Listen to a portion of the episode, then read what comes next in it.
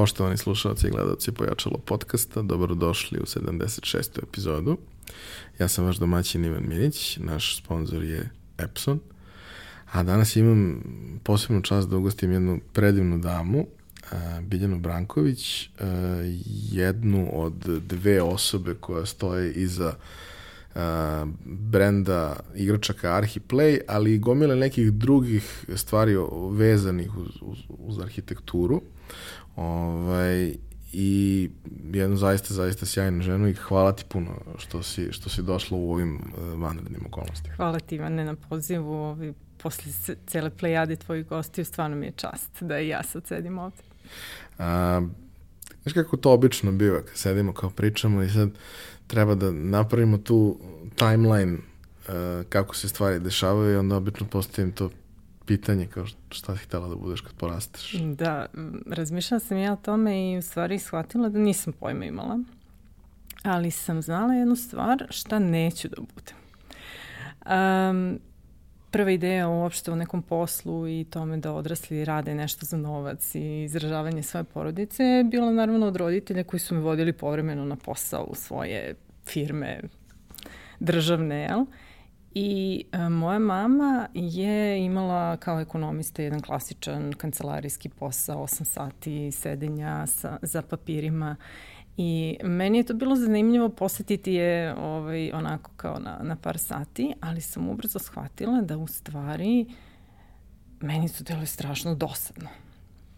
I, da, da, I pomislila sam, sećam se jasno, da e, ne bih volela da ja radim tako uh, neki dosadni kancelarijski posao, iako je meni moja mama bila najdivnija na svetu, jel? ali um, želela sam da radim nešto dinamičnije. I onda se sada desi, znaš, ono kao, pazi šta želiš, možda ti se ostvari. Najčešća žalba sad mi je da mi je malo previše dinamično. da, da, da, naravno, kao i, i svakome ko se upusti da pokrene gomilu nekih stvari, a onda mu naravno bude žao da se njima ne yes. bavi i onda se to razvija yes. i, da. i tako to ide. Um, kako je išlo tvoje obrazovanje i koji je neki glavni utisak sada sa, sa, sa ove distance kada gledaš na to? Znači jedna stvar je kad prolaziš kroz to kao mlada osoba, da. kao klinac u, u nekim situacijama ili klinka, a potpuno je drugačije sad kad već ono kao imala si prilike to da primeniš, aktivno se baviš time, da. kakav ti je utisak, šta si studirala i kakav je to, šta ti je sve to donalo, šta je najvrednije što si dobila od toga? Da. M moram da se vratim korak nazad u odnosu na fakultet. Fakultet jeste donao struku, ali e, primećujem danas da ono što je bilo pre fakulteta mi isto tako mnogo znači. Sticajem okolnosti, potpuno nenamerno i nerežirano, imala sam nekako veoma ozbiljno srednjoškolsko obrazovanje, tako sam dobila prosto okruženje ovi nekih ozbiljnih profesora, stare škole i garde koji su držali puno do, do tog nekog opšteg obrazovanja, istorije, istorije umetnosti i književnosti i e, puno toga mi je pre fakulteta u stvari ovaj, značilo da pročitam, da, da naučim i da govorim i da pišem i to je nešto što koristim danas. A onda na fakultetu uh, ti dođeš sa namerom da studiraš arhitekturu vrlo jasno u smislu to je neka konkretna struka. Jel? I što ljudi vole da kažu imaš neki zanat u rukama. E, moj utisak ovako retroaktivno, kako me pitaš sa distance kad pogledam, jeste u stvari da a, mnogo veća korist a, tog obrazovanja od same struke i zanata je jedna veština, a to je a, prepoznavanje i rešavanje problema. Inženjerski pristup. Da, inženjerski pristup koji uh, nisi ni svestan, ali ti si u tom drilu sve vreme. Ti uh, dobijaš zadatke u kojima prođeš ceo proces prepoznavanja problema, njihove ove, identifikacije, tvog pristupa, razmatranja opcija, ponuđenja rešenja, odabira nekog dobrog rešenja i razrade njegove. To onako kad se uopšti priča, to je to. I sad mi smo to naravno radili na primjeru projektovanja i ovaj, rešavanja nekih ovih drugih kreativnih, da kažeš, stvari. Međutim, ovaj, život te posle, odnosno nas je život tako ovaj, malo vodio levo-desno, da smo mi vrlo često te veštine primenjivali u stvarima mimo struke. I onda retroaktivno to mi je najvrednije od obrazovanja što smatram da me taj fakultet osposobio da i mimo same struke se bavim tako nekim prosto rešavanjem problema i nuđenjem rešenja. I mislim da je to nešto što mi pokušavamo i kroz Arhiplay da radimo uh, i da promovišemo kao ideju da mi ne znamo čime će se naša deca baviti. Zanimanja budućnosti su u velikoj meri nepoznanica. Ali ono što znamo da će im biti potrebno, to je ta mogućnost adaptiranja na nove okolnosti, snalaženja u njima, da oni vide prosto oko sebe šta se dešava, da shvate šta je potrebno, šta je problem, šta možda oni mogu da ponude kao rešenje. I um, to je onako i, i lično nam je to kao roditeljski jedan veliki zadatak i profesionalno, pošto se jel, bavimo proizvodima za decu, ali i roditelje, da probamo tu ideju da plasiramo kao nešto što je univerzalna vrednost. Nekako mi se čini, to se recimo kroz gomilu nekih e, iskustava sa poslom e, video, e, to prostorno razmišljanje mm -hmm. koje je negde i na pripremama za, za fakultet i kasnije nešto što se vrlo, vrlo neguje, ima recimo vrlo zanimljivu primjenu gomila vrhunskih logo dizajnera koje ja znam su arhitekte. Nikad se nisu bavili nakon fakulteta, neki nisu ni završili, nikad se nisu bavili arhitekturom, ali su naučili da toliko dobro razumeju i, uh, iako je to dvodimenzionalna stvar, i u dvodimenzionalnom prostoru ti na neki način imaš i negative space koji se koristi i gomila nekih drugih stvari o kojima kao dizajner, dizajner, svaki dizajner zna da nacrta logo, ali da. E, ne ume da ga osmisli, ne ume da razmišlja na taj način. Ja se sećam, mm. prijatelj, moj sin, naše porodične prijateljice koji je studirao arhitekturu i meni pomagao u prvoj godini srednje sa nekim grafičkim radovima i, i tim stvarima. Sećam se tih nekih varijanti gde, gde, gde je tu bilo gomila nekih vežbi koje su meni delovale potpuno besmisleno, uh, a, koje su se svodile na to da se sobstveni inicijali predstave I na razne načine. I mi smo to načine. radili na prvoj godini. Da, I mi smo, to, da. mi smo to radili u srednjoj, na kraju na praksi, tako što smo dobijali, ne znam, ono, a, ovaj, ne, neki komad čelika u kome to treba da izrežemo, obradimo mm. i mhm. tako dalje, što dosta bilo naporno, ako i prilično manuelno, ali Sjećam se da mi je to kao, bilo mi je malo nekako suvišno, kao da ti ne treba zgrade da crtaš, ali onda sam skapirao da kao ne možeš da kreneš od zgrada. Da, da, da. A i taj momak je relativno brzo nakon toga krenuo da radi logoje i krenuo da ih radi sjajno. I kao, da. to mi je bilo da. skroz, skroz, skroz interesantno. A, arhitektura je nešto što, hajde kažemo, nama sa strane koji se nismo, nismo njome nikad bavili, deluje mnogo lepo i sofisticirano, interesantno i zabavno, ali e, zapravo jeste za mnoge, često i ne znajući šta ona sve podrazumeva, neki željeni životni poziv.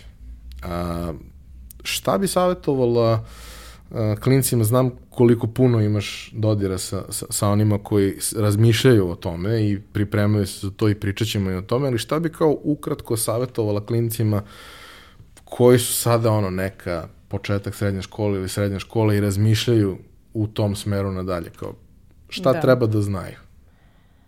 A, treba da znaju da je to obrazovanje vredno u ovom smislu u kom smo pričali malo pre, dakle da je široko osposobljavajuće ali da ga ne shvataju usko i da ne shvate kao nekakvu tragediju ako se oni ne bave sutra projektovanjem. Um, ta ideja da uh, je arhitekta samo projektant je zapravo prilično uh, ograničavajuća i može da te ubije u pojam donekle ako, ako se ne baviš time. Nama su to na prvoj godini u amfiteatru rekli, onako surovo, profesori, znate, samo 5% vas će se baviti ovim zbog čega ste vi došli ovde i krenuli od prve godine da radi na rušenju snova, jel? Uh, ali um, mo, ono što je jako lepo, to je da možeš da se baviš, evo kao i u, u tvom primeru, mnogo, mnogo čime uh, drugim i da ovaj, uh, ako ih privlači da, da je to svakako dobra opcija da, da krenu u tom pravcu. Uh, jedna od prvih nekih stvari koje su izvan sama fakulteta, a, a opet su vezane sa njima ko, koje ste krenuli da radite ti suprug, je to takozvano čuveno, čak i ja znam, jer smo, i, i u moje vreme je krenulo to otprilike, čuveno veliko spremanje koje sad već ima mnogo generacije kad se ode na sajt i ode se na onu stranicu gde su, to je neka gomila nekih sličica, da, nekih, nekih da, ovaj, da. mladih ljudi. Um, šta je veliko spremanje? Kako ste došli na ideju i kako to sve izgleda, pošto, mislim, to traje sad već 15 godina, 16. 15. generacija. A, umeđu vremenu se svašta promenilo Jest. sa fakultetima, da. ali je veliko spremanje ostalo. Da. I ima reputaciju koju je izgradilo vremenom. Šta je, šta je bila priča na početku i kako se cela stvar razvijala? A, veliko spremanje je nešto što je nastalo iz priprema koje smo braca i ja pohađali. To je za nas onako jedan e, ži, životno važna stvar, jer smo se mi upoznali na tim pripremama kod našeg pokojnog već sad profesora, koji je taj posao radio kad smo se mi spremali za fakultet. Mi smo od tada prosto kao zajedno krenuli u život i um, ispostavilo se da je braca bio um, ostao profesoru kao u pamćenju kao najbolji ovaj, đak kog je on imao a, i najbolji crtač tih svih a, generacija kad je osetio da zbog godina i zdravlja više ne može da radi to i da mu treba neko ko će to nastaviti, on je njega pozvao i pitao da li bi želeo da radi to sa njim i da posle kad ovaj, se oseti dovoljno sigurnim nastavi sam. Odnosno rekao je onda, pošto je znao, znao ovaj, da smo mi već zajedno da, da kao nastavite vas dvoje. I e, brat je to oberučki prihvatio jer je nama u stvari taj profesor bio kao neki ovaj, ono, ne, kako se to kaže, ono, naš biće koje te kao, ovaj, oblikuje. Da, oblikuje, štiti koje, ovaj, koje nekako gledaš, na koje gledaš naklono i a, brzo su se stvari izdešavale da uh, je braca počeo sa njim da radi, uh, dobro se u tome snašao i profesor se povukao ubrzo i preminuo ovaj, uh, leto nakon toga i mi smo bili u situaciji da odlučimo šta ćemo sad, hoćemo li da nastavimo ili ne, bili smo još uvijek studenti pete godine završne. I odlučili smo da nastavimo i ispostavilo se da je to bila jako dobra odluka, ali uh, i onako, znaš, e, kako samo kao klinac možeš hrabro da, da odlučiš, da se upustiš u nešto što je zapravo e, vrlo odgovorno i zahtevno, ali mi smo stvarno bili od uvek tako ozbiljni ovaj, i, i e, radili smo na, na tome vredno i od tri đaka prve godine do više desetina đaka kasnije mi smo u stvari izgradili to kao jedno jako dobro mesto za pripreme za ulazak na fakultet. I što kažeš, menjalo se sve i svašta, jeste. Prvenstveno, menja se prijemni ispit i mi prilagođavamo program tome. Međutim, menjaju se i đaci. Oni su naši klijenti, jel? I e, neverovatno je koliko je velika razlika između đaka od pre 12-13 godina i ovih sada. I ti u stvari menjaš program zbog tog cilja zbog kog su oni došli, a to je sam ispit i njegova struktura, a ujedno a, menjaš svoj pristup u načinu na koji radiš sa njima, a, zato što se klijent menja, zato što se oni menjaju. I to je vrlo dinamičan proces i koliko god nama deluje kao sve smo prošli, sve varijante smo prošli, sve moguće ovaj, opcije i promene i strukture ispita, uvijek se pojavi nešto novo da ovaj, i, i mi sami sebe nekako stalno gonimo da nešto inoviramo, menjamo.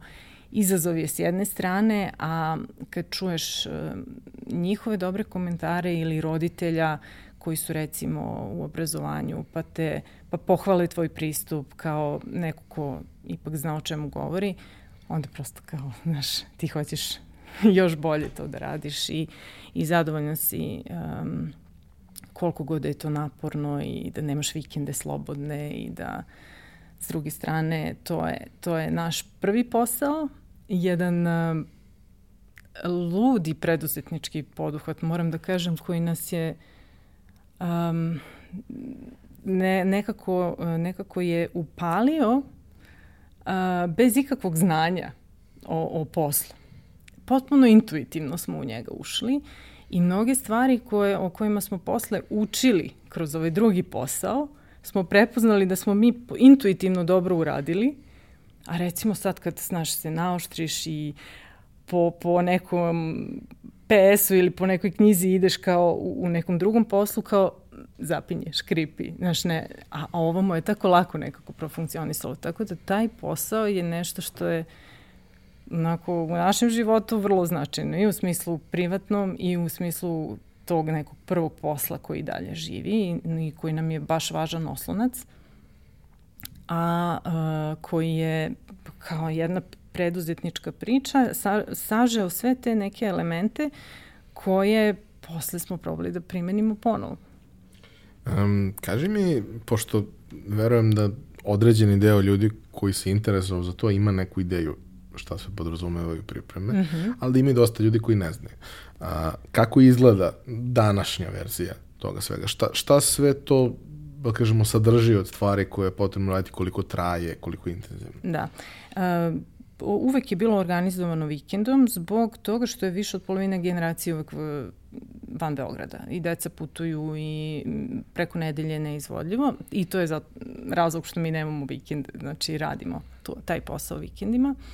Um, I to je um, jed, jedno vreme je bilo i subotom i nedeljom, sad je samo uh, jedan dan uh, nedeljno i uh, svakog vikenda se dešava od septembra do kraja maja, a u junu praktično svaki drugi dan, pošto se oni raspuste i to je onda moguće da bude vrlo intenzivno.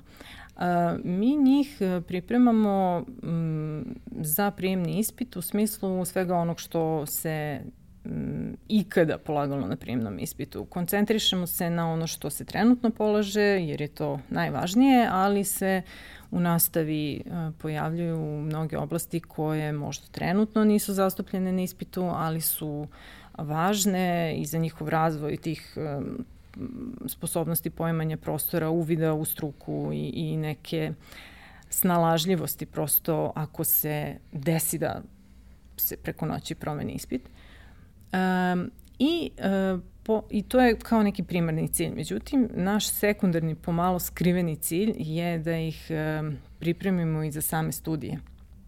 Dakle, kroz uh, razne vežbe i predavanja i neke razgovore naše sa njima uh, pokušavamo da im približimo ideju o tome gde u stvari idu, čime će se baviti, šta, kakav je to svet, šta im omogućuje, šta im, šta im daje, šta im uzima, um, kakve su to okolnosti, kakav je to ritam života, kakva je to struka i um, od tih opštih priča do nekih konkretnih veština koje oni mogu da koriste na, na samom fakultetu u zadacima i ovaj, na, na predmetima, kako se komunicira sa profesorima, asistentima, kako da um, budu uspešni u tom prenošenju sobstvenih ideja i tome slično. Tako da uh, praktično pripremamo ih za um, ispit i to je taj neophodni prvi korak koji moraju taj, taj stepenik da pređu, ali onda ono što ih čeka, to nam je takođe jako važno. Znači, to nije samo pripremanje za prijem ispit, to je pripremanje za život. A, tokom bavljenja time, to traje već 15 godina, a, i krenulo je dok, si, dok ste još bili na, na fakultetu oboje, a, bavili ste se i onima što vam je primarna struka, naravno. Yes.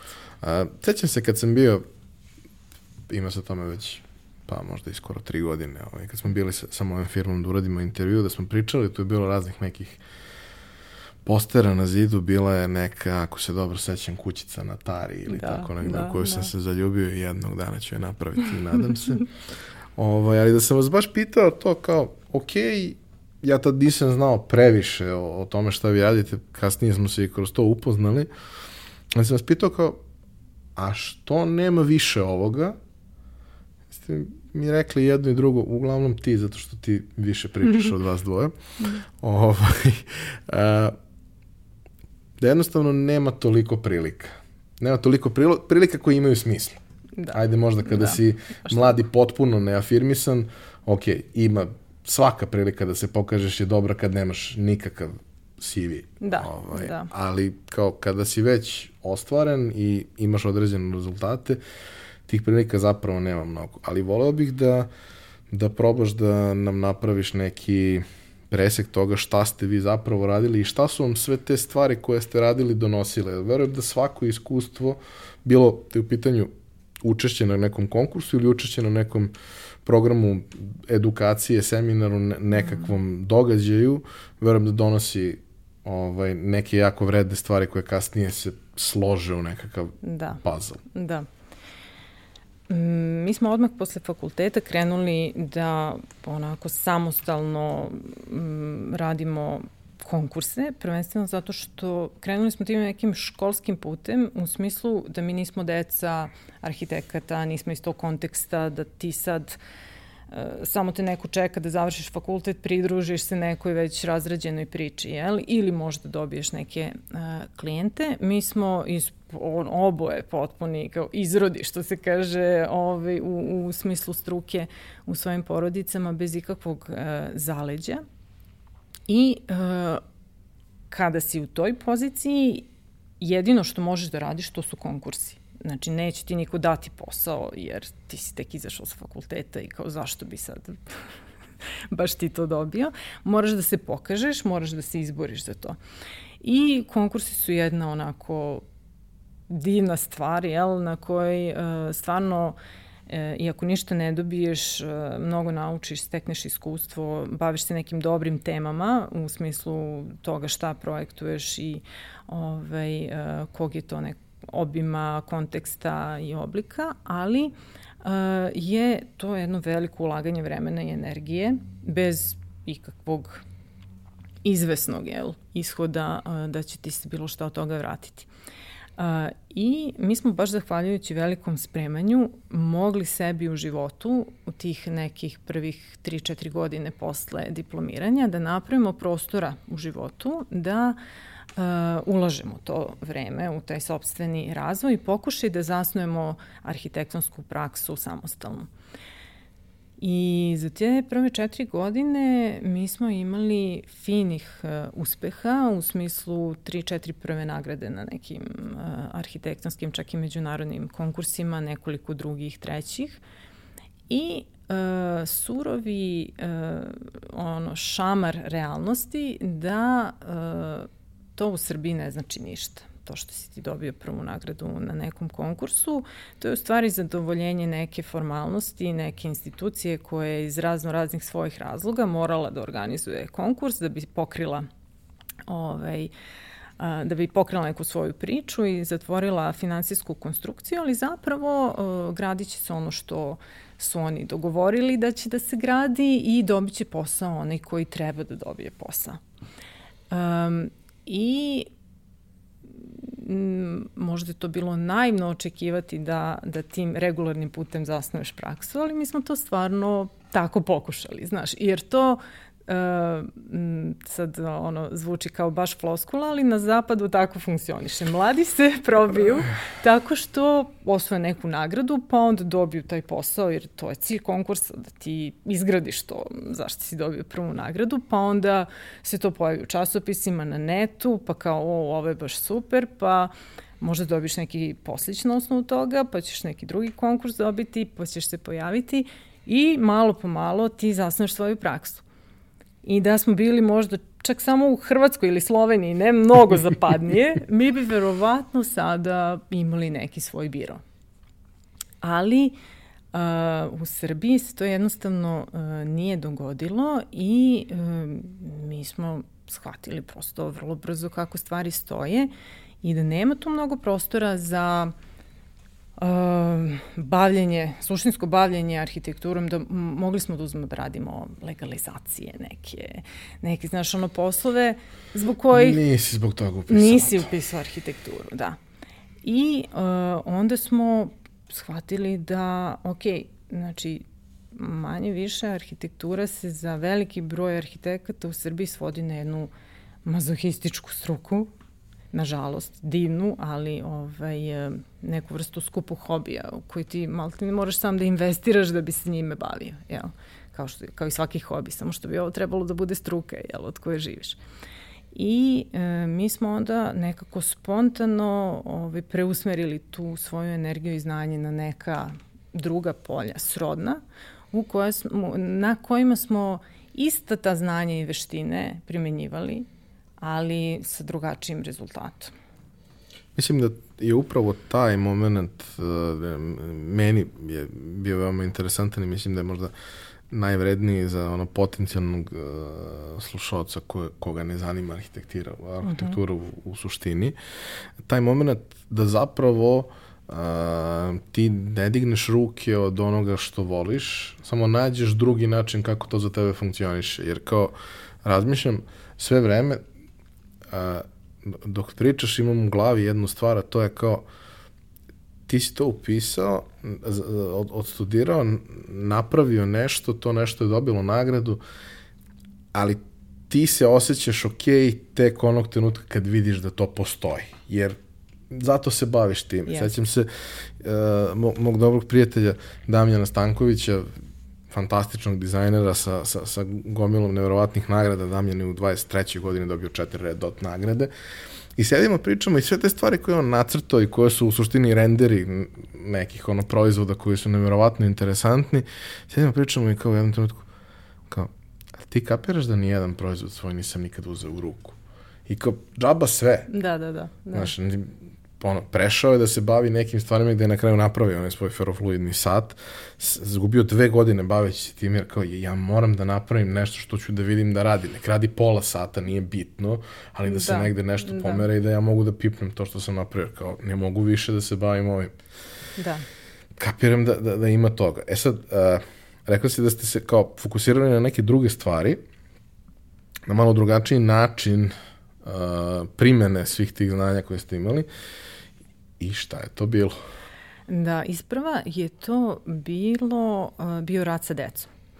Zbog iskustva sa pripremama, ekipa koja je radila nedelju arhitekture, a, a jedna od žena koje su osnovale nedelju arhitekture je bila prva bracina gazdarica, odnosno kod nje je radio prvi i poslednji svoj posao za platu.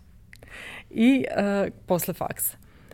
I to je Ružica Sarić, moramo da, moramo da je spomenemo, jer ona je isto jedna od bitnih osoba na našem uh, putu. Je uh, znala da mi radimo sa mladima, znala je da to radimo onako sa entuzijazmom i uh, pozvala nas da radimo te edukativne programe u okviru nedelje arhitekture za decu, za mlade. Svake godine to imalo neki novi oblik, zavisno od teme. Uh, I e, nama se to dopalo i krenuli smo da osmišljavamo te programe za decu. Dakle, da im nekako približimo to, ne samo čime se arhitekti bave, nego uopšte da ih uvedemo malo u priču o prostoru, da im zadamo te neke zadatke, da se oni orijentišu, razmišljaju u prostoru, da nešto konkretno naprave, da um, ceo taj naš proces kao ovaj, rada svedemo na neki nivo razumljiv uh, i zanimljiv deci.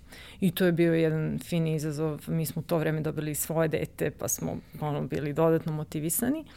I to je lepo krenulo i e, uz nedelju arhitekture su bile razne institucije kulture, e, Muzej grada Beograda, Kulturni centar Beograda, e, Centar za promociju nauke i e, kao saradnike nedelje arhitekture koji su to fino radili na, na tom jednom polju, pozivali su nas u druge svoje priče i meni je taj period izuzetno drag jer smo bili ekipa koja je organizovala i osmišljavala te prateće edukativne programe za izložbe, recimo Muzeja grada Beograda, uh, gde je tada, tadašnja uprava Muzeja grada Beograda shvatila ono što su muzeji na zapadu, naročito u Skandinaviji, deseta godina ranije shvatili, a to je da je budućnost muzeja u mladoj publici i u deci i u tome da oni moraju da učine svoje sadržaje i svoje izložbe razumljivi, razumljivim E, deci i zanimljivim deci. Pa su krenuli u te priče o interaktivnim izložbama, o radionicama. Znači nije dovoljno da ti sad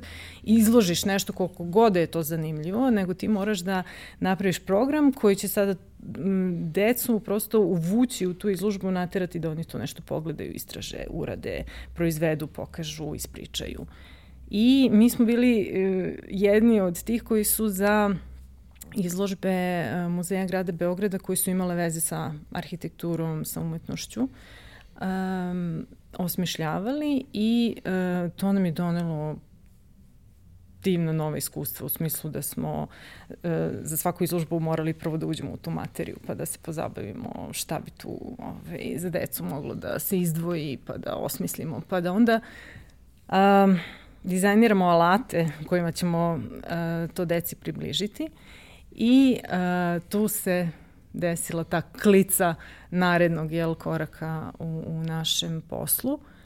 I um, to je otprilike to ako sam odgovorila na tvoje pitanje šta je bilo sledeće, malo sam o, ovaj, odlutala. Lepo si, lepo si odgovorila, lepo si dala uvod u celu priču sa, sa Arhiplejem, jer priča sa Arhiplejem je o, a, svi mi koji smo postali inženjeri ili mi koji nismo baš još postali inženjeri, ali uskoro ćemo, nadam se da nađemo vremena da napišemo diplomski. Ovaj, svi smo mi negde ono kao odrasli na, na Lego kockama. Da. Svi smo negde odrasli na gomilu tih nekih stvari. Ja se sećam trenutka kada je uh, Lego Mindstorms došao u našu srednju školu i Lego robotika, čak sam bio i u novinama. Ovaj, jer smo bili prva generacija koja se zapravo bavila time jer ti je pored toga da sa jedne strane možeš od lega da sagradiš šta god hoćeš, mm -hmm. sada, se ti, sada si dobio mogućnosti da to pokreneš i, i da time da. upravljaš, da. Da, to, da, ti, da to programiraš. I dan danas se deca takmiče iz, iz Lego robotike i mislim sve to ima svoje, ovaj, ali za nas je u tom trenutku to, to bilo potpuno neverovatno i mnogo me je način na koji ste osmislili uh, ono što je danas Arhipleja, to ima svoje korake, da. ovaj, podsjetilo na to koliko te zapravo a, slobode, ok, Lego je prilično striktan, ok, imaš ti, kao, kao i sa Tetrisom, imaš gomilu stvari koje padaju pa ti uklapaš, da. ali relativno si ograničen yes. oblicima. Da. Ovaj, on, kao ne možeš da napraviš Lego loptu koliko god želeo, jer to na kraju neće da bude lopta. Ali dobro. A sa druge strane, ono kako ste vi pristupili je zapravo kroz set uh, različitih stvari koje ostavljaju gomilu različitih mogućnosti, nego nekim slučajima i kombinovanja i tako da. dalje. Tako da mi je to bilo potpuno onako fantastično. E sad, šta, šta je početak te priče? Rekla si nam kako da, je došlo do, da. do, do ideje uopšte, ali jedna stvar je ti napraviš alat koji će se koristiti na, u okviru jedne radionice ili neke priče, a onda sad treba to da napraviš univerzalno. Formiraš kao proizvod, da. I da. treba da ga napraviš da bude proizvod sa kojim ti stvarno možeš da izađeš negde. Da. Kako je to bilo?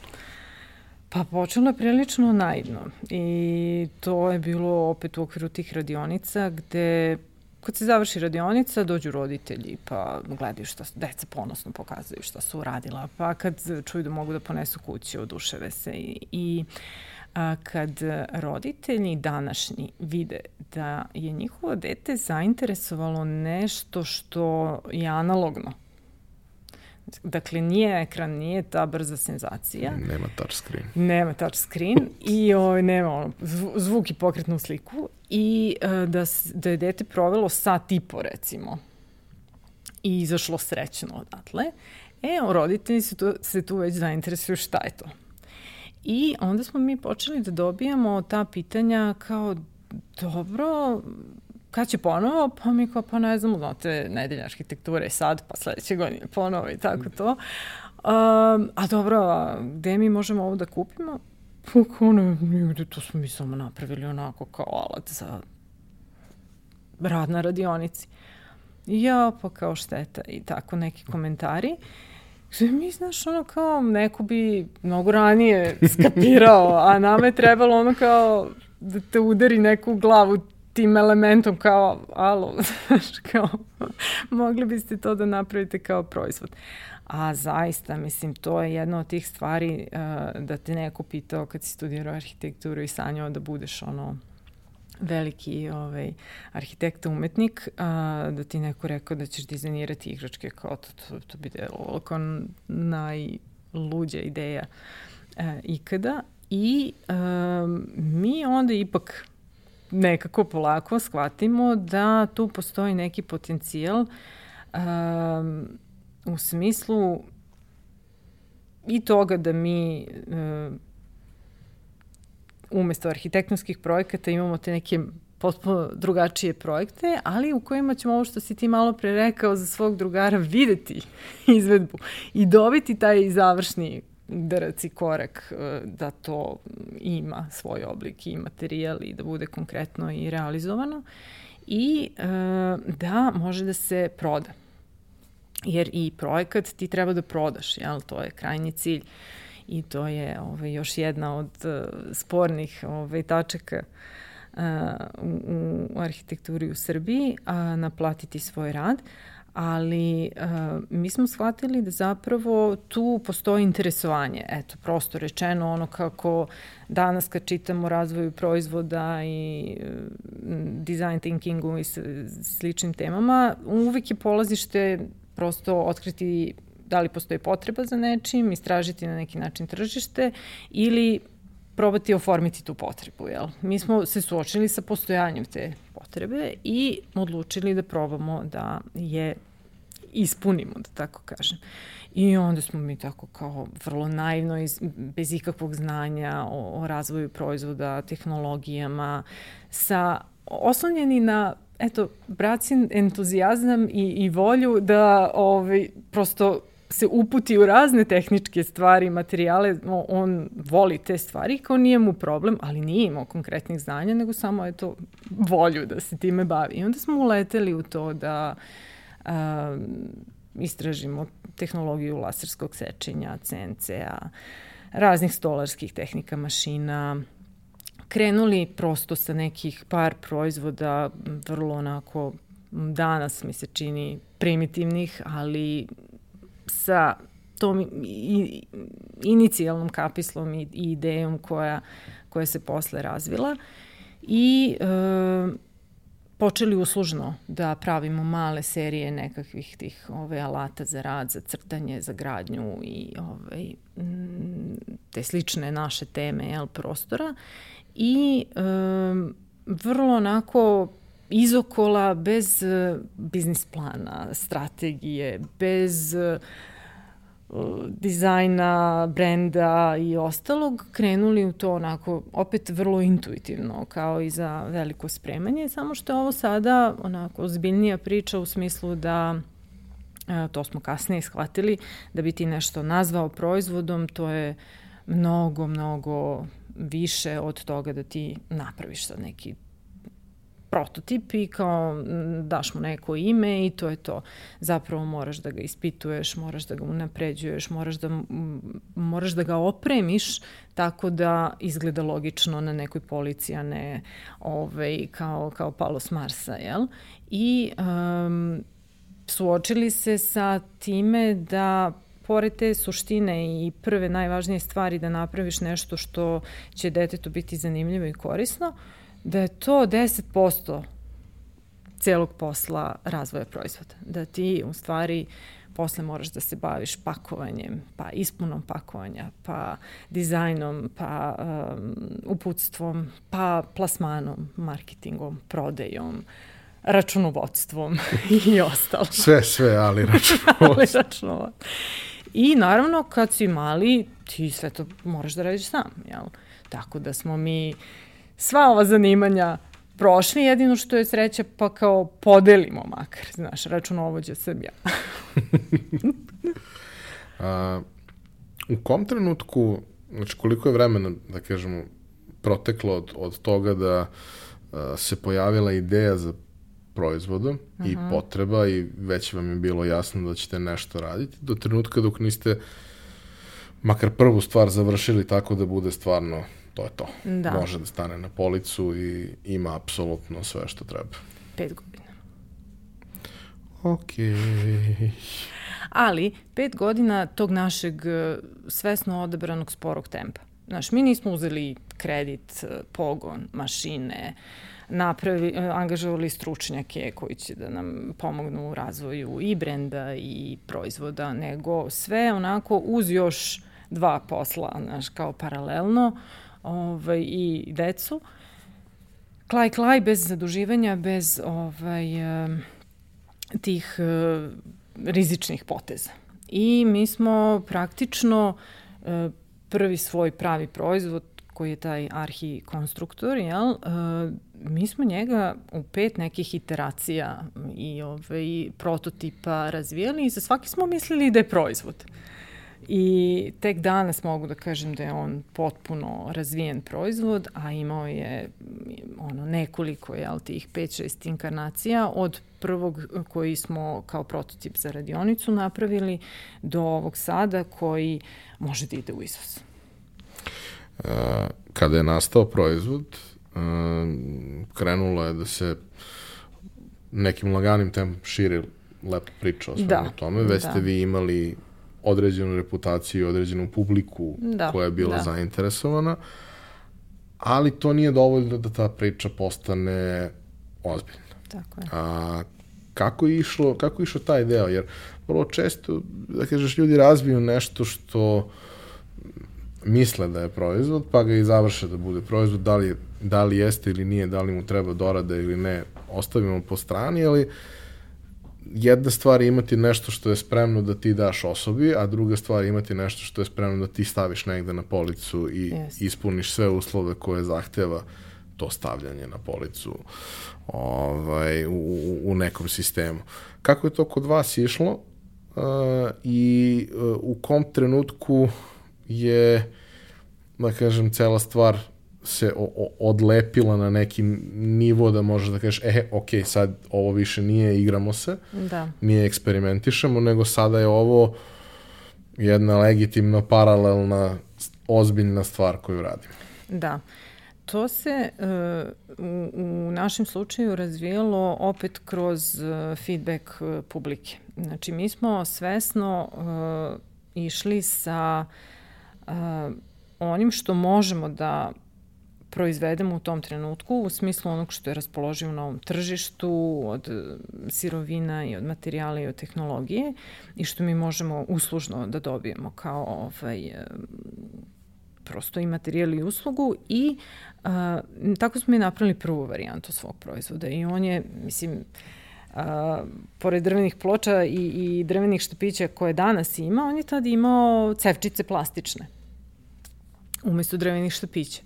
I to je bila prva verzija tog proizvoda. I e, naravno ispostavilo se da to se pohaba, troši se, mi smo razne varijante tu imali u smislu um, dokupljivanja ili slanja novih uh, kad se ljudima potroše, ali smo ubrzo shvatili da je to segment koji mora da se popravlja, pa smo uveli drvene štapiće, pa smo onda pokušali da ih u, u neki standard uglavimo, recimo to je jedan od velikih izazova, kontrola kvaliteta. Uh, jer ne zavisi od nas. Mi, nismo, mi kao mali proizvođač ne možemo da proizvedemo sami e, sirovinu ili da uvezemo sami šleper nečega, čega god. Mi moramo da se oslonimo na uvoznike domaće ili na proizvođače domaće, a oni su vrlo skloni da variraju sitno, ali dovoljno da ti poremeti neke parametre rada mašine ili ako ti za delić milimetra proda uh, deblju letvicu, ona više ne može da prođe kroz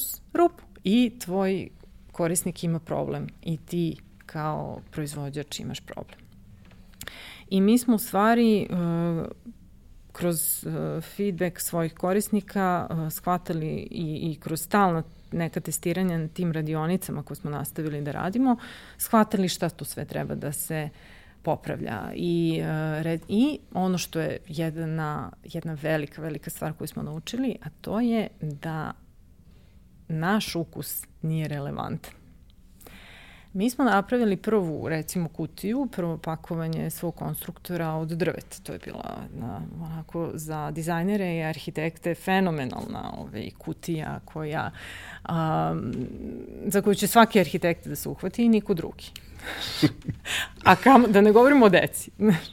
I ovaj, um, I onda smo mi shvatili prosto kad uh, smo krenuli da prodajemo po knjižarama i koncept storovima, da to jako lepo izgleda na polici, ali da jednostavno ne privlači pogled i pažnju da će tome samo neko usko školovano oko i, i ono stručno deformisano, profesionalno deformisano da se, da se uhvati za to. I um, recimo onda naš kao nova varijanta proizvoda je bila samo novo pakovanje gde smo mi onda shvatili da to mora da pokazuje dete koje se igra, da uključi neku boju, znaš, ne, ne daj Bože da nije sve crno ili brown ili sivo, znaš, to, te arhitektonske ovaj, deformacije naše. I da a, prosto razmislimo, ok, pa mislim kao, čekaj, o, što si me pitao kad, kad smo se uozbiljili, ja to tako kažem, kad uozbiljili smo se kad smo shvatili da moramo da se pozabavimo time kako to treba da izgleda da bi se zaista i prodalo. Da više nije dovoljno da mi napravimo stvar za koju će nas potavšati kolege po ramenu i reći ovo je baš super. Ne, baš ste carevi. Baš ste carevi kako ste dobro stvar napravili. I da to kao, eto, lepo stoji na polici i da može da bude kao deo muzeja igračaka, znaš. Ali ove, ako mi hoćemo da to bude posao i da to neko uzme ove, sa police u svoj korpus stavi, da moramo da se pozabavimo gomilom drugih stvari i onda smo time počeli da se bavimo i e, na neki način sami sebe, sebi zadali taj zadatak i ovaj, e, presekli 16. 2016. kad smo iz procesa koji je bilo udruženje građana preko kog smo radili sve te edukativne programe, kao pravno lice presekli i uh, osnovali DOO, koji je ipak nešto što te obavezuje da mesečno imaš obaveze, Fiksne pokrivaš troškove, troškove i znaš da te to čeka i mora da te gura da a, to posmatraš kao posao, a ne kao neku sad finu stvar koju si baš, baš si lepo to dizajnirao. I a, tu smo mi odlučili da a, usmerimo energiju prosto u, u, u tu stvar, što kažeš da nam nije više sad nešto što usput radimo. Usput smo ga tako načeli, e, razvili, zagrebali, ali e, moralo ipak to da se uozbilji i da se posveti tome vreme energija i onda smo i mašine nabavili, sad, sad, sad više ne radimo usluženo, imamo svoj pogon, sve formalnosti oko firme završili i eto, to je bio neki trenutak kad smo kao rekli sami sebi, ajde, to je to, idemo u to.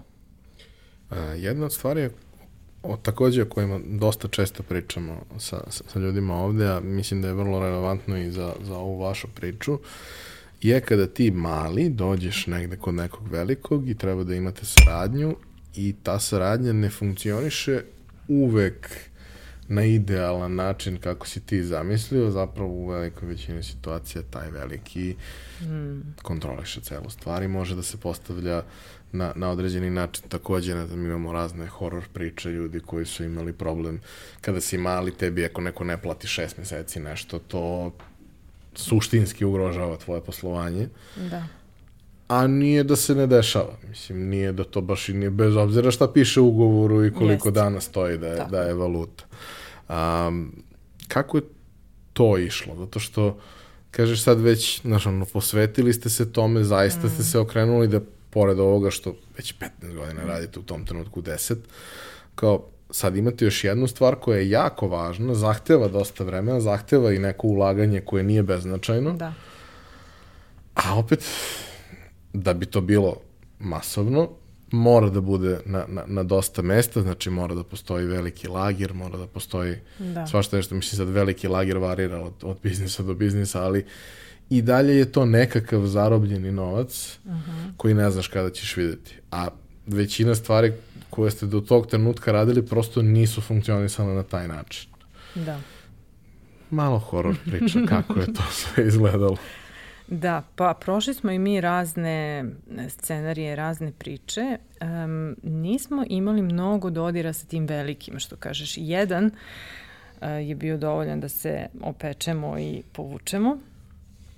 Um, I uh, nismo do duše ni mnogo uh, pokušavali, nismo ni smatrali da nam je tu mesto. Da, nije to baš nešto što stoji na polici u hipermarketu. Da, baš tako. I um, čak, e, čak e, ni u nekim možda lancima u kojima bi bilo logično, tipa lancima igračaka, um, nije, ispostavilo se da, da nije zanimljivo, čak ni njima. E, imali smo neke razgovore i pregovore u smislu da to je sve super i njima se stvarno to jako dopada ali to nije uh, proizvod uh, koji može uh, brzo da, da vrti kapital, da, da se tako izrazim. Znači, nema, to nije proizvod koji se reklamira između dva crtaća.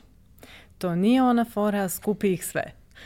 I, i ta, ta, te, ti mamci i ovaj, te stvari koje uh, prosto deca uzimaju sa polica i stavljaju u korpe roditeljima. Ovo je malo zahtevnija priča koja, eto, ne, nije toliko nešto sad komplikovano, ali zahteva eto da možda malo roditelj razmisli, ima malo svesti o nekim jel, stvarima i da donese neku odluku tipa da, ok, video si tu reklamu, ali ajde da probamo i ovo nešto drugo. Pa kad se dete nečka, ali ja bi ipak ovo šareno, plastično što igra i peva i, i ovaj, kreće se samo, ovaj, da, da mu prosto, da imaš dovoljno istrajnosti kao roditelj i upornosti da mu ponudiš i neku alternativu. Jer stvarno, ako pustiš da ovaj, stvari idu uh, usmerene onim što, što nas okružuje, to neće baš dobro da se završi, jel? Ako ti baš pustiš da um, neka... Senzacije preuzmu. Jeste, jeste, senzacije svih vrsta preuzmu i, i deca nisu kriva što se na to pecaju. Logično je što se pecaju. Mi se pecamo. Pecaju se i odrasli. Jeste, tak, ali mi smo odgovorni da ovaj, usmeravamo koliko možemo i koliko imamo snage.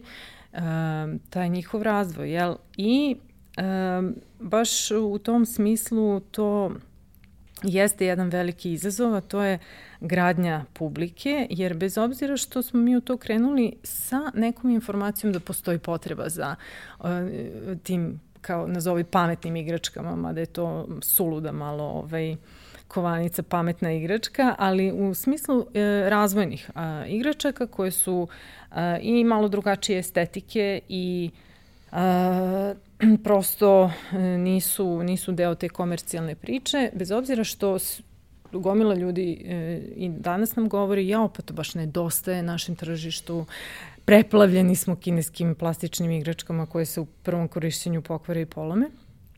Ti ipak vidiš da u praksi ljudi pokleknu. Roditelji su iscepljeni, preumorni su. Lakše je. Lakše je. Jednostavno i dete je srećno makar pet minuta tih nekih ako dobije to nešto što je videlo na reklami ili ovaj, roditelj sebi prosto kupi sat vremena mira Ne znam, ja lično Tako nekim. preferiram igračke koje ne proizvode zvuk. Mislim, preferiram i, de, i decu koje ne proizvode zvuk. Ali to je onaj moment koji je ono kao, ne znam, moja majka i gomila ljudi koji su bili ovde, reklo bi se da smo svi na, na sličan način oštećeni. Mm -hmm. Ove, ovaj, kao, E, kako, jesi sećaš kad si bio mali pa ti odeš u ćošak i igraš se sam 3 sata? Da. Sad dobro, ja se baš i ne sećam, ali kao mislim da, da, da, da takve dece fali e, da. i da. da je to proizvod za takvu decu. Yes. Ti uzmeš nešto i igraš se sa tim 3 sata i kad si završio tih 3 sata, 3 sata možda igraš igricu pa si prešao sve. Da. Ali kad si završio to 3 sata, ti ga rasklopiš, rasklopiš i sutra, i onda sutra dođeš i ponovo se igraš 3 sata yes. sa nečim, yes. sa nečim, na, sa istim tim u stvari na, na drugačiji na način. Na drugačiji način. To je to. To je to i to ne traži neku pametnu decu, znaš, druga, neku decu vanzemaljce. Ne. to traži samo o, roditelje koji će napraviti okruženje u, kojim, u kom dete prosto ima to i kao izbor i koje dobije to kao ovaj, i mogućnost i preporuku na neki način, što obično traži da mu ti malo pomogneš u početku. To je roditeljima mnogim veliki problem. Ne krivim ih ni za šta, to je prosto stica i ovaj, velikog broja okolnosti i mi smo sami vrlo često u tom istom začaranom krugu. Ali šta znam, možda je to neki ono i Sizifov posao i utopija, ali e, praktično naša misija, jedna od misija jeste da e, probudimo tu svest da ipak ovaj, roditelj mora da inicira i podmetne na neki način tu, tu, tu drugačiju igru, jer ako ostavimo sve uh, deci na izbor, velika većina dece će u onu ovaj, kolotečinu, onu jel, ovaj, mainstream ovaj, reku da se ubaci drugara koji pričaju o igricama i ovaj, um, proizvoda i igračaka koje vide na TV-u i alternat, za alternativu se uh, samostalno opredeli jako mali procenat. Tako da moraju, ovaj, tu moraju roditelji da, da budu malo ovaj, svesniji. Oni na rečima jesu, ali u praksi to vrlo često bude drugačije. I u stvari naš, naš zadatak i naš, naša ciljna grupa su roditelji, naravno. Nama suštinski prosto stvari se jesu promenile, količina stresa je mnogo veća, količina da. informacija koje su non stop svuda oko nas jeste mnogo veća, ali iako nisam diplomirao još uvek i obećavam da hoću uskoro, ja suštinski mislim da sam ja odabrao robotiku i kasnije upisao inženjerski fakultet uh, samo isključivo iz razloga što je moj ćale meni pravi igrački. Odnosno, nije on meni pravi igračke, nego smo nas dvojica Zajedno. meni pravi Eto, igračke. Vidiš, da. I to je ono kao, ok, imao je on i one momente kada je recimo pravio jedrenjake od drveta, to je isto bilo fantastično, ali tu nisam baš mnogo ja mogao da radim. Ja sam tu mhm. mogao da dodam, da pogledam, da, i to je meni bilo zanimljivo ali je bilo previše fino, pipavo, detaljno, za nije dete, to da, za, da. Za, za toliko malo dete. Sastavljali smo i one neke ono, mode, makete koje se sastavljaju plastičnih aviona i slično, to mi isto bilo ludilo. Ali najjači moment je bio kad ono, vikend je i sednemo od onih uh, drvenih gajbica za voće, napravim i mač i ne znam šta još, ali to nije ono kao, e, uzeli smo dve letvice, zakucali ekser i to, mm -hmm. ne taj mač je bio najcool mač u ulici. I svi su hteli da imaju igračke koje, koje meni napravio moj čala, ja sam imao tu ekskluzivnost da, da, da, da ih da. nosim i da se sa njima igram. I stvarno mislim da je to važno. Jeste donekle možda nerealno da se svako od nas na sada posveti, posveti na taj da, način, da. ali kao neko vreme izdvoji, nekad, upali tu iskru, e da, baš to. sama će ona posla. Jeste, ali moraš da, da daš jeste, priliku za samo. tako nešto. Da daš priliku i da malo poguraš i da ovaj, postaviš pitanje i da uđeš malo u razgovor. Mi se trudimo da kao, to nam je jedna od, jedan od planova, da u stvari kroz svoje sadržaje pružimo podršku roditeljima kroz uh, primere igre, kroz primere konstrukcija. Iako su sve to sad svetovi za otvorenu igru u kojima to što ti kažeš napraviš bilo šta i sutra nešto potpuno drugačije od istog seta, ali ovaj, shvatili smo da ne, nemaju sad svi roditelji volje i energije da tu mnogo maštaju. Nego kao dosta bi im pomoglo da imaju neki primer, pa da naprave, pa ove, i to tako napravljeno će deteto biti ovaj, kapisla i ovaj, povod da on nešto sad tu promeni, napravi svoje i krene sutradan sam. I kad sam ja bio mali, a i generacije koje su, koje su starije, taj moment tih igračaka koje su bile razni konstruktor setovi e, je bilo da, dosta. Ja da, se sećam, mi smo ih imali na Oto u, u, u osnovnoj školi smo imali te neke ono metalne sa rupama sa za šafčiće. Sa jeste, mehanotehnika. Tako je. Da. Gde ti, ok, imaš uh, knjižicu i možeš da napraviš svašta što ima u toj knjižici. Da. Ali nije fora da napraviš to što ima u toj knjižici. Fora je pa ako nema helikoptera da napraviš početak. helikopter. Pa da, da, da, tako o, je. Sjećam se da su nas u nekom trenutku čak i ocenjivali iz toga što mi je ono kao bilo potpuno super. Ja sam Aha. uzao dva seta i napravio nešto suludo potpuno. Da. A,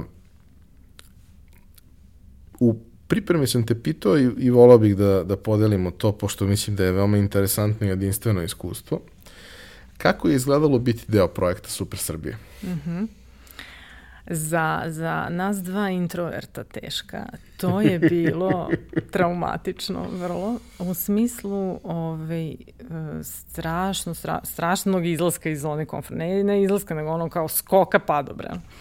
Gde uh, zaista to jeste bila neka vrsta reality programa.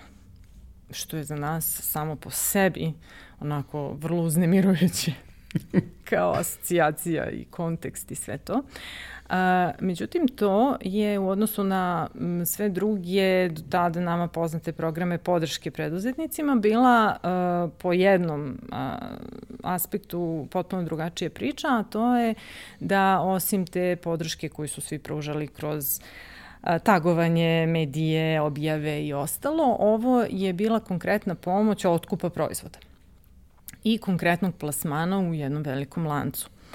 I to je bio razlog, uh, bukvalno uh, razvoja posla našeg, jel? Uh, i testiranja tog jednog do tada nepoznatog polja, a to je veliki retail lanac, um, razlog našeg pristanka i ovaj, truda da bez obzira što nam je sve vreme neugodno, ovaj, da se u tome snađemo nekako.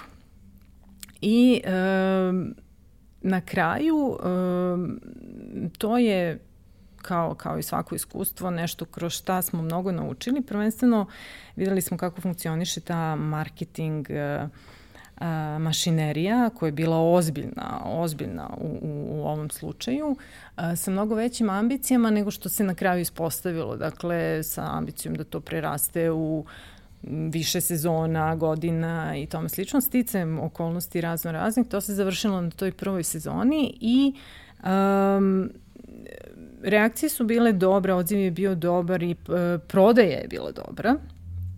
I uh, s te jedne strane je to bilo pozitivno iskustvo, uh, a uh, po gašenju reflektora i kamera se pretvorilo u realno iskustvo.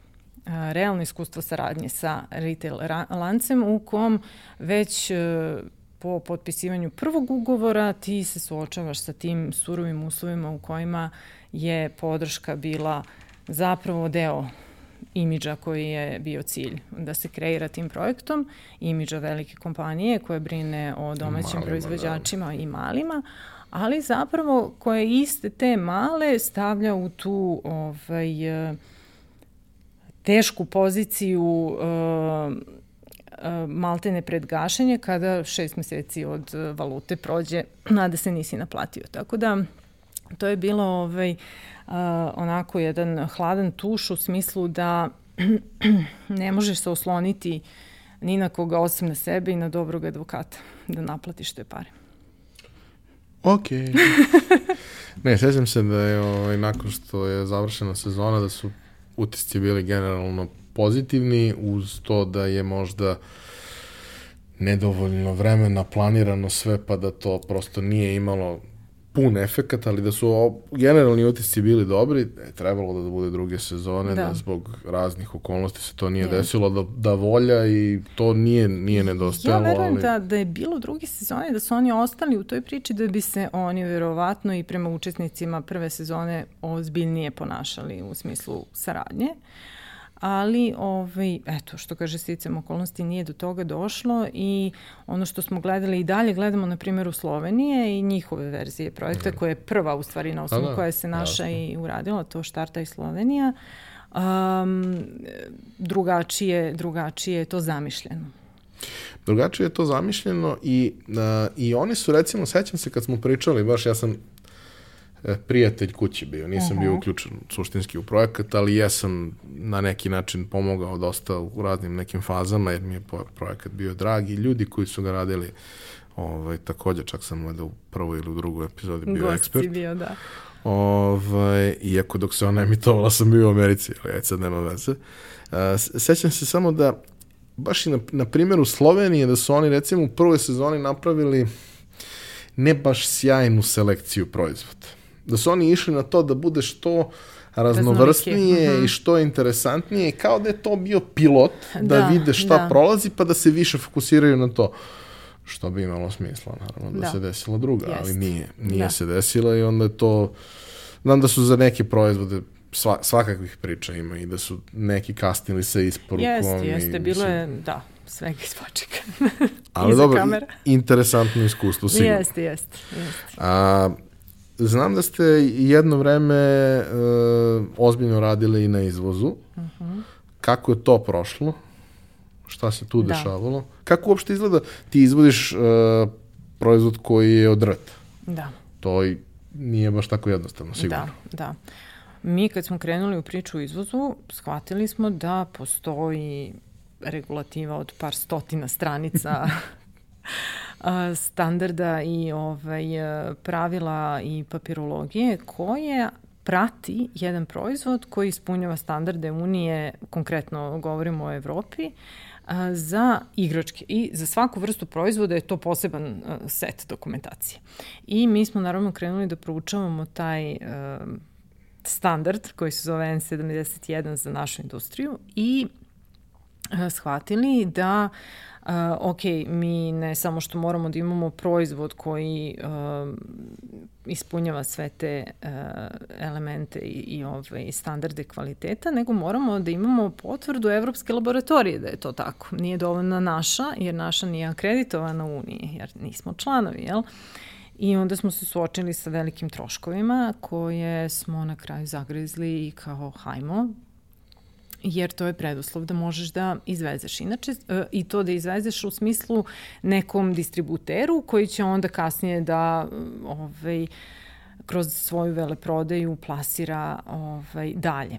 E, mi smo imali do tada izvoz koji je funkcionisao kao pojedinačna kupovina fizičkih lica jer smo imali mogućnost plaćanja preko Paypala, slanja post-eksport uslugom pošte u inostranstvu i to je funkcionisalo i nije, uh, pod, uh, nije podlegalo proveri tih standarda za pojedinačno tako jedan set, dva seta, jel? Međutim, uh, ti si u obavezi da svu tu dokumentaciju obezbediš tom nekom distributeru koji uh, ove, o, otkupljuje veće količine tvojih igračaka. I mi smo za potrebe izvoza, koji je relativno mali bio u Poljsku, ono kad smo se videli za moju firmu, to pokrenuli i a, od tada smo a, izvezli u Sloveniju i sad u Dubaj. I to su neke opet ne velike količine, ali ovaj nešto što mislim mi smo u pričama bili za razna tržišta, ali to nekako naš to se još nije realizovalo. Videćemo da li će, kako će. Um, imamo ovaj polu otvorena razna ta neka tržišta, ali e, za svako tržište maltene moraš da se uputiš u, ne, e, u njihovu jel, regulativu. Rusija je jedna priča, Australija druga priča, Evropa treća priča, Bliski istok četvrta, Amerika da ne govorimo i ovaj, to traži onako ozbiljno, ozbiljno i temeljno spremanje u tom smislu, ali ono što je važno nama jeste da smo sa, shvatili kroz testiranje e, proizvoda da mi, naši proizvodi ispunjavaju te standarde. Tako da ako ispunjavaju evropske, pretpostavljam da ćemo moći e, da izvezemo i na druga tržišta, samo je pitanje procedura i troškova. Jasno, jer svaka od tih stvari košta i svaka od tih, dobro, ok, evropska verovatno podrazumeva sve zemlje u Jest. samim tim što pravi neko tržište koje nije, nije loše ali sve ove ostale zemlje su faktički pojedinačni slučajevi i niko nije od koga tu ne prepisuje i ništa se ne podrazumeva. Da, nego treba njihov papir. Mislim, kao super je što vi to imate, ali sad možda je to samo formalnost, ali ti moraš možda da platiš ponovo. Tako da je malo... Um, 15 godina jedne priče, 5, 6, 7, 8 druge priče, um, mnogo nekih, čini mi se, po tome što ne gubiš osmeh lepih iskustava mm i kontakata i ljudi i svega, da. uz određene traume koje to prate. ovaj, ali sada kada pogledaš na to sve, šta ti je dominantan utisak i šta bi rekla sebi pre 15 godina na petoj godini fakulteta Mm -hmm. ovaj, ne, ne da li bi savjetovala da li da uđeš u to ili ne, ali šta bi rekla sebi ovako kada, kada razmišljaš? Um, dominantni utisak mi je da je neverovatno koliko sve čime se baviš u, u jednom nekom trenutku svog razvoja nađe neki svoj kanal i prostor da se desi, materializuje ili ugradi u to nešto novo kroz pet ili deset godina. To, e, to mi je dominantan utisak da prosto um, um, mi smo tako se nekako kretali pro, kroz taj svoj profesionalni život da smo prihvatali razne prilike i to vrlo često po principu nemamo pojma, ali imamo volju i želju, ajde da probamo. Nismo nikoga lagali u smislu da smo eksperti za to, nego smo uh, samo prihvatili nešto oko čega smo se potrudili i to je najčešće izlazilo na, na dobar, dobro urađen posao. Ali uh, ta neka hrabrost, ponekad i, i, i ludost, da uđeš u neke stvari koje ne poznaješ realno, um, je nešto što je istovremeno i zastrašujuće i uzbudljivo. I ovaj, Znaš, kad bi samo radio ono za šta si se školovao ili što ti je sigurica, to bi zapravo bilo dosadno. A, možda bi bilo bolje u smislu kao manje bi ih lupala glavu i manje bi bilo stresa, možda Ali i ne bi. Onda? Ali čemu onda? A, a ovako je stalno kao neki roller coaster i a, ja mislim mene lično vozi to što stalno moram nešto da učim. Ja sam izgleda štreberka, ono, znaš, kao životna i sad više ne učim ono, ovaj, gradimo neko o, za, za ispit, nego učim test stalno, ili veštine neke nove, ili, znaš, kao, bavim se stvar, bavim se marketingom, bavim se financijama, bavim se pisanjem, dizajnom uputstva, kutije i tako kao neki žongler, univerzalac, uh, ti rekla bih sebi relax. ne moraš sve da znaš sad, ono kao put je bitan. Mislim, to je u stvari cijela ta stvar oko arhiplay, oko radionica, to što se ljudi opterećuju, što, što me pomalo nervira sa tim ovaj, novim medijima i mrežama, što, znaš, ta slika je toliko važna i ok, i mi se bavimo tim vizualnim i esetskim momentom, ali recimo u tom uh, i životnom i razmojnom smislu zapravo je proces nešto što je najvažnije. I naročito deci. Kada, naš, uopšte nije bitno da li to što je napravio muljavo, klimavo i sad će da se sruši. Ali šta je on prošao dok je to radio? Šta se u njegovoj glavici dešavalo? Ili šta sam ja sve prošla da, ovaj, da bih napravila tu neku kutiju ili proizvod ili šta god? Ovaj, to je ono što je suštinska vrednost. I ovaj, um, ti kad sad sve sažmeš kao nije to bog zna šta 15 godina, ali Da. to prađe očas. pa jeste. Ali opet, e, znaš, e, kad se osvrneš, deluje ti kao dosta, baš zato što je sadržajno u tom smislu da si ti prošao sve i svašta i da si ti rastao i naučio. I onda, mislim, to je meni onako najlepše iz, svega toga što smo imali hrabrost i, i volje da se upuštamo u razne stvari koje nam nisu, koje nas niko nije učio, nego smo mi eto kao uzeli pa skočiš u vodu pa plivaš nekako. Skoro je bila neka pre, prepirka na nekom na nekoj, na nekoj LinkedInu negde i neka devojka mlada uh, diplomirala na fonu i tako da je to tih detalja se sećam pošto imam traumu od tog fakulteta. Ove, ovaj, iskomentarisala nešto u stilu uh, kao svi vi marketari ste samouki Pa jesmo, ali 20 godina kasnije mi i dalje učimo. Da, pa da. Ti svaki ovaj, dan... Jer prosto stvari koje mi danas radimo, za to ne možeš da se školuješ. Ne možeš. To je nešto što prosto pokupiš usput i svaki dan radiš i svaki dan pokušavaš da naučiš nešto novo. Da. I u mom slučaju konkretno to je gomila gluposti. Ali baš kao što si ti rekla, ne bi verovao gde te gluposti stignu yes, pet godina yes. kasnije kada se slože u nekakav da. puzzle koji, se, da. koji se formira. Da. Draga, hvala ti. Divno je bilo ugostiti i, I vaša priča je stvarno, stvarno sjajna. Um, hvala Epsonu što nas podržava, hvala vama što nas slušate. Kao i do sad, sve vaše komentare, predloge, ideje ostavite u komentarima na YouTube ili na, na, na društvenim mrežama. Mi ovo radimo zbog vas. Dobro, malo radimo i zbog sebe. Ovaj, I to je to. Vidimo se sledeće nedelje.